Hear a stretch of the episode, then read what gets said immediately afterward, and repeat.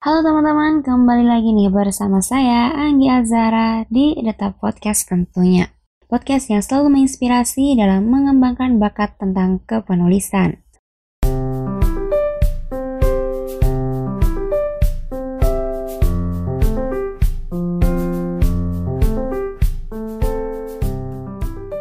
Pada episode kali ini, Data Podcast akan membahas tentang cara mudah membuat kerangka tulisan. Bagaimana nih? Menarik bukan? Maka dari itu, tetap stay tune dan pilih posisi ternyaman kamu ya.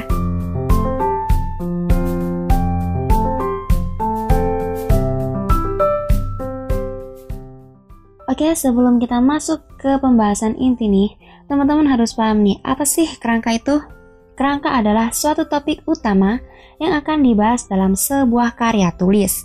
Namun, dalam membuat kerangka tulisan, kita perlu nih memahami beberapa langkah-langkahnya. Tujuannya apa? Agar mempermudah dalam pembuatan dan menjadikan sebuah karya tulis yang menarik dan mudah untuk dipahami. Oke, langsung aja kita masuk ke langkah yang pertama. Langkah pertama yang harus teman-teman lakuin yaitu menentukan sebuah tema. Nah, dalam menentukan sebuah tema, teman-teman harus pintar-pintar nih dalam memilih tema yang sedang populer atau yang banyak digemari oleh kebanyakan masyarakat. Nah, setelah itu tentukan judul yang sesuai dengan tema tersebut dan buat semenarik mungkin. Setelah itu kumpulkan bahan untuk tema yang kamu pilih. Misalnya tema kesehatan. Maka bahan yang bisa kamu kumpulkan seperti pengertian kesehatan, cara agar selalu sehat, dan lain sebagainya.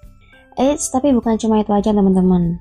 Setelah bahan-bahan yang sudah terkumpul, selanjutnya teman-teman harus menyusunnya secara sistematis agar mudah untuk dipahami.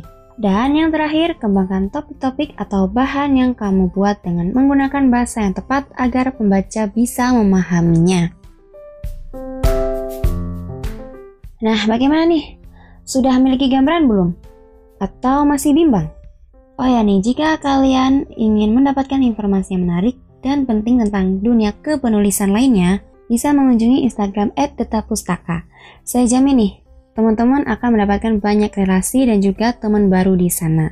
Jadi bisa nih sharing-sharing tentang dunia kepenulisan, teknik-teknik nulisnya kayak gimana nih, kayak gitu ya.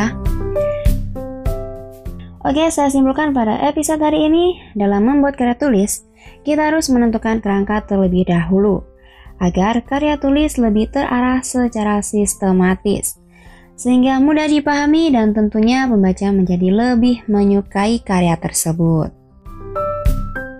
Dan well, nggak terasa nih, kalau waktu kita sudah habis, dan itu artinya kita harus berpisah pada episode kali ini.